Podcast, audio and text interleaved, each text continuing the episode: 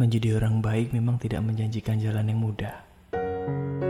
Tapi itu lebih baik daripada menjadi orang yang pura-pura baik. Berapa banyak peluang menjadi orang baik yang sudah kita lewatkan.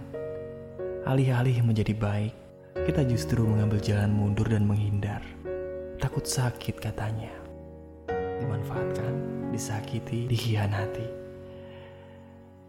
Tidak selamanya seperti itu. Menjadi baik itu seperti mengangkat beban tanpa harus memberatkan orang lain. Memang, hal itu terkesan merepotkan diri sendiri. Tapi itu adalah pilihan. Merepotkan diri sendiri untuk kebaikan atau menghindar dan memberatkan kepada orang lain. Tidak selamanya menjadi orang baik itu cepat mati. Faktanya, usia kita sudah ada yang mengatur, dan menjadi baik serta usia tidak ada hubungan sama sekali. Entah itu baik atau jahat, kematian selalu berjalan bersama dengan kita.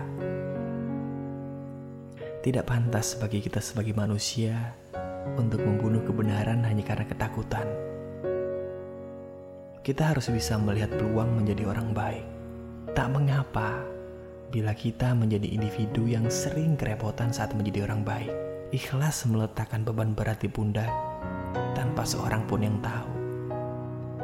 Ikhlas membalut luka dengan air mata agar orang lain tetap bahagia. Setidaknya pribadi seperti itulah yang dibutuhkan dunia. Karena harapan orang baik adalah menciptakan kebaikan di sekitarnya. Maka itu, hari ini setelah tahun-tahun yang sudah berlalu. Kita harus melaluinya dengan sangat baik. Kita harus percaya, seburuk apa pun keadaan di sekitar kita, mereka butuh sedikit sinar. Kamu adalah pelita itu. Kamu adalah teman berbagi. Kamu adalah pemberi terbaik. Kamu adalah pasangan terhangat kamu adalah keluarga yang tidak pernah menyerah. Kamu adalah pejuang yang tidak takut terasing.